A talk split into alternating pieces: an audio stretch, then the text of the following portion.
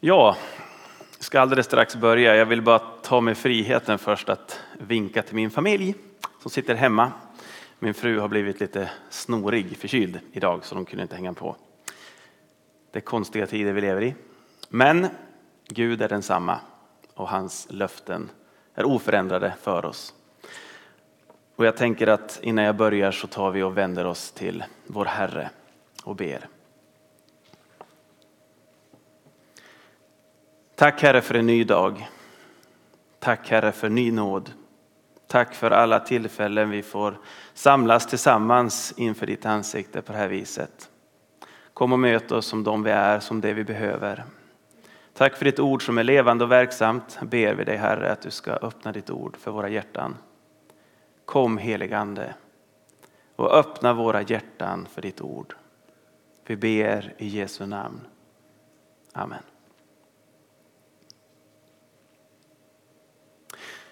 Vi är inne nu i en temaserie som, med saker som Jesus aldrig sa. Och rubriken för den här söndagen som jag har blivit tilldelad är alltså Följ ditt hjärta. Och det här uttrycket ska jag säga är högaktuellt idag. För dagens postmoderna människa så är det nämligen väldigt viktigt att vi får uttrycka det som vi betraktar som våra pers unika personligheter. Ingen kan lägga band på oss. Ingen kan heller säga till någon annan människa hur den människan ska leva. Utan vårt, vår, vårt främsta moraliska uppmaning idag lyder Följ ditt hjärta. Strunta i vad alla andra säger. Följ ditt hjärta.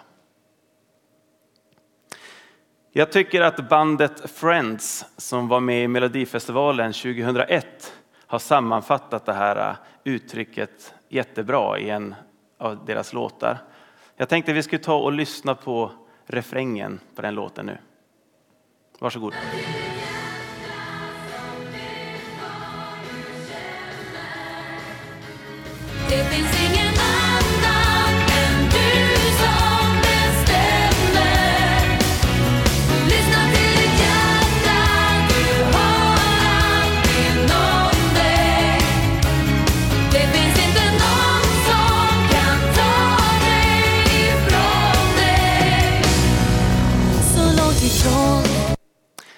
Det finns ingen annan än du som bestämmer. Du har allt inom dig. Så lyssna till ditt hjärta. Många människor har det här som sitt riktmärke i livet. Följ ditt hjärta, lyssna till din inre röst, din intention, din magkänsla. Det finns ingen annan än du som bestämmer. Så du behöver inte lyssna på någon annan. Det finns till och med livscoacher idag som går ännu längre. Som utlovar att om vi gör det som vi känner för så blir allting bra. Allting blir bra. Inför den här predikan så surfade jag runt lite grann på olika populära hemsidor och kom in på meditationsguiden.com. Om du går in där så då får du följande råd.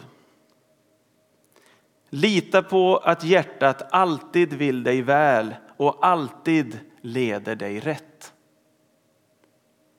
Det här låter ju kanske jättefint, men det är långt ifrån sant. Och förmodligen är det därför som Bibeln aldrig säger något sådant. Jesus har nämligen aldrig sagt att om vi gör det vi känner för så blir allting bra. Däremot har Jesus sagt att han vill leda våra hjärtan rätt. Och det är en jättestor skillnad på de två. Missförstå mig nu inte. Gud har gett oss en fantastisk hjärna. Han har gett oss ett finkänsligt samvete och ett brett känsloregister. En hjärna, samvete, känslor. Det är gåvor som du och jag ska använda oss av. Det är alltså inte fel att lära känna sig själv. Tvärtom. Vi ska lyssna in oss själva, vi ska lyssna in vår omgivning. Men Bibeln uppmanar oss inte att alltid lita på att vårt hjärta vill oss väl och att vårt hjärta alltid leder oss rätt. Vad säger då Bibeln? Vad säger Jesus? Jo, han säger följ mig. Och det här är väldigt tydligt i lärjungen Petrus liv som jag tänkte vi skulle ta och stanna upp en stund för nu. Första gången som Jesus möter Petrus, det är på en strand, han står och fiskar. Och det första Petrus får höra Jesus säga, det är orden Följ mig. Och det gör Petrus också. Han lämnar allt, han följer Jesus under tre år. Får se Jesus göra många fantastiska saker. Men det var inte bara enkelt för Petrus att följa Jesus. Vid flera tillfällen så blir han tillrättavisad. Exempelvis vid ett tillfälle så berättar Jesus för lärjungarna att när de kommer till Jerusalem så kommer han att lida, han kommer att till slut dö och sen till slut uppstå.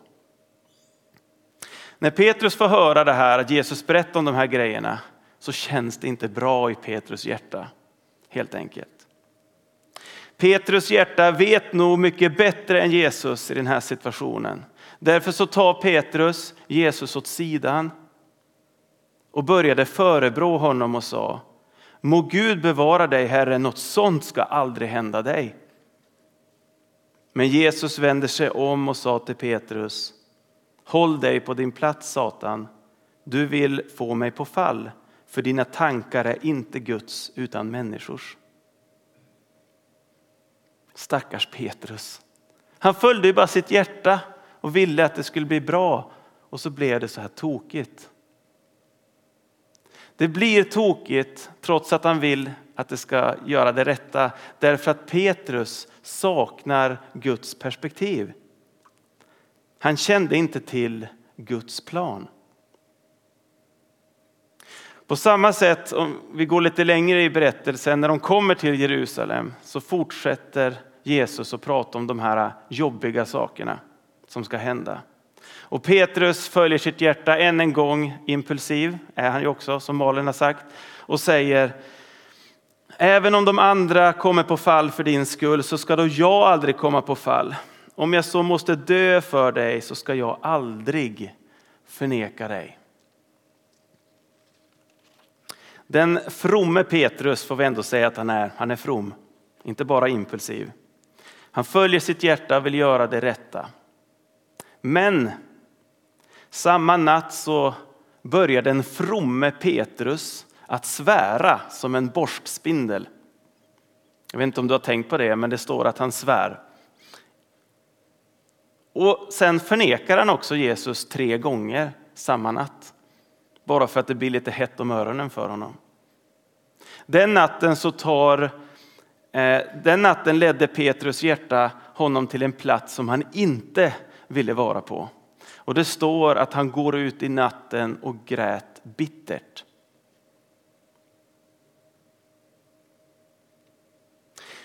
Men Jesus ger inte upp sitt engagemang i Petrus, utan han står kvar vid sitt val och fortsätter att kalla honom. Petrus hade misslyckats, ja, men Jesus står kvar vid honom. Fortsätter att ha valt ut honom som lärjunge. Och på samma sätt gör Gud också idag. Han står kvar vid valet att han har utvalt dig som sin lärjunge. Han fortsätter att kalla dig. Följ mig, säger han. Gud vet att våra hjärtan är bristfälliga.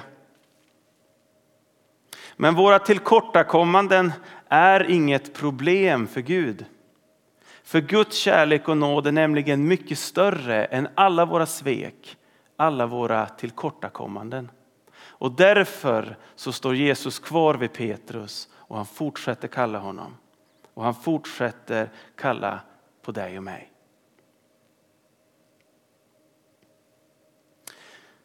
Jag vet inte om du har tänkt på det, men de första orden som Petrus får höra av Jesus är alltså uppmaningen följ mig. Och det vi vet av det sista samtalet som Jesus och Petrus har enligt skriften, det är också på en strand det som vi fick höra Malin läsa.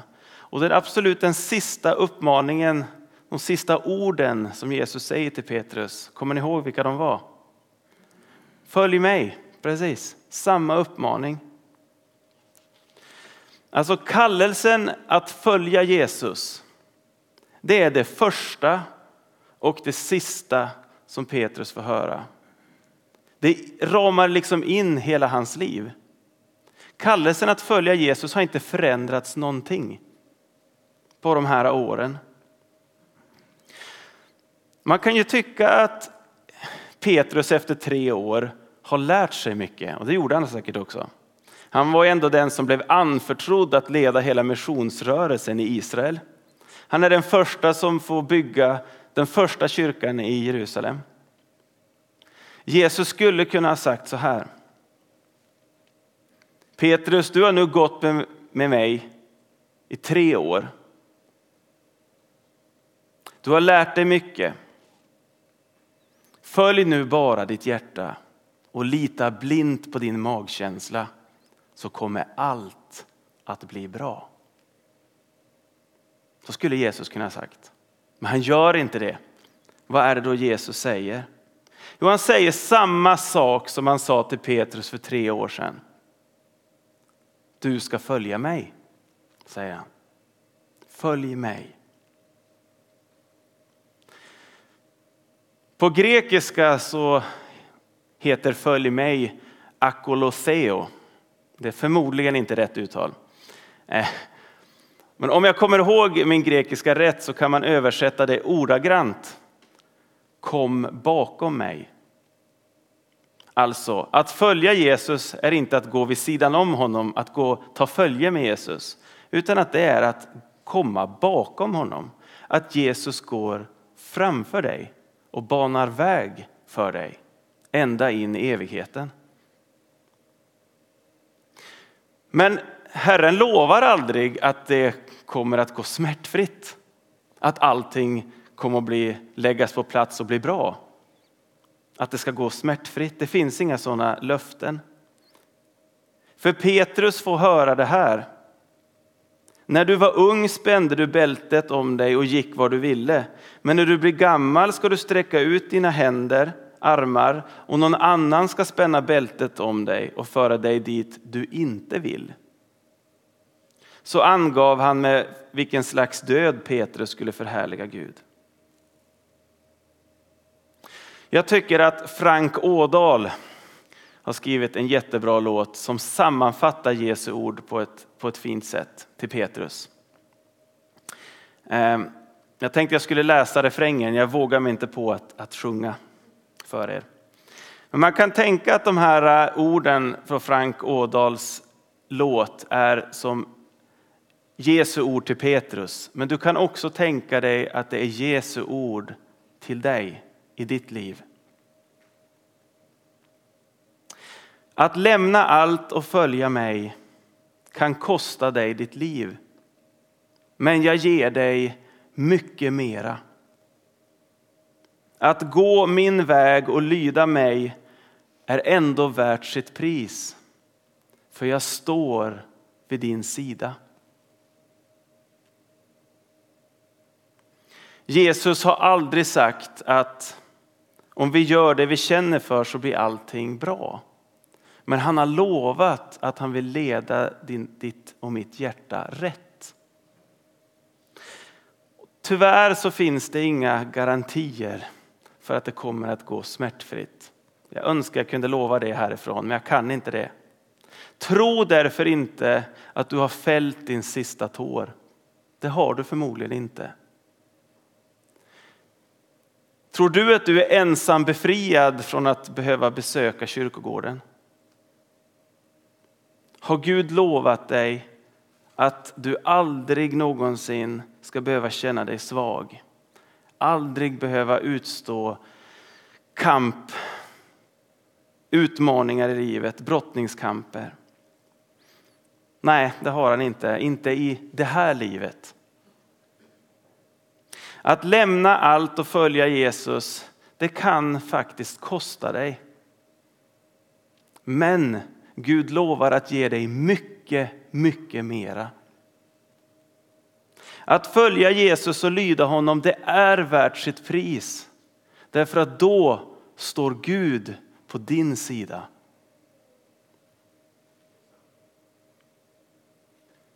Gud lovar att leda ditt hjärta rätt. Det kanske inte kommer att gå smärtfritt och det kan komma att ta tid.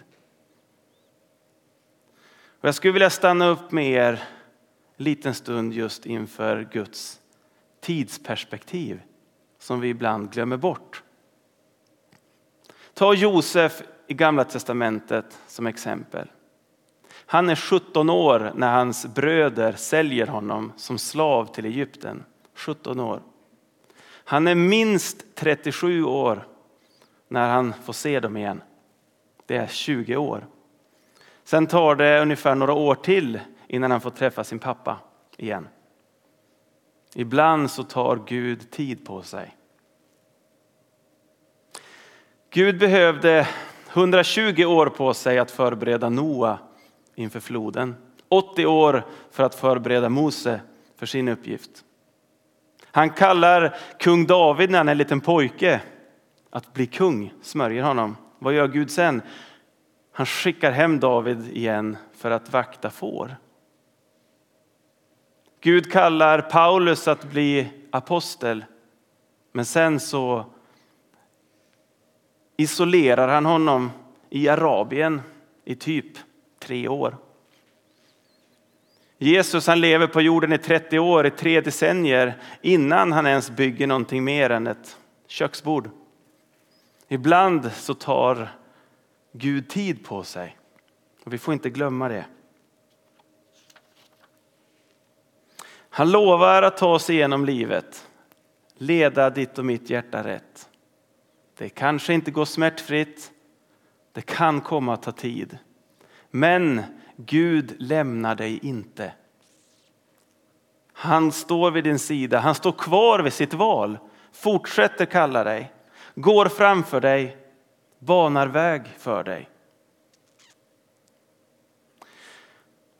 Om det hade funnits trafikskyltar på Mose tid så är jag övertygad om att det hade funnits en sån här trafikskylt. En återvändsgränsskylt längs vägen till det förlovade landet. Flera stycken hade de sett.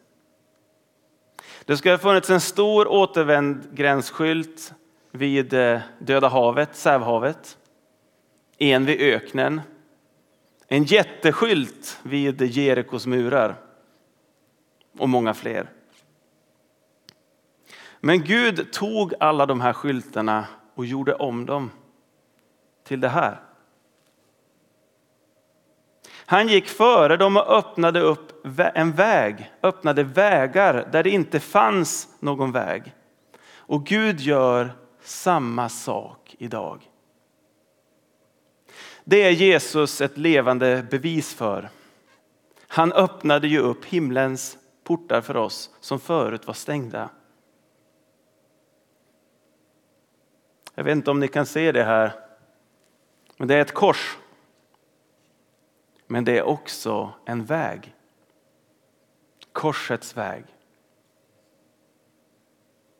Jesus lovar att leda ditt hjärta rätt hela vägen hem. Det kanske inte kommer att gå smärtfritt. Det kan komma att ta tid. Men följ honom så kommer du hela vägen hem. Vi ber tillsammans.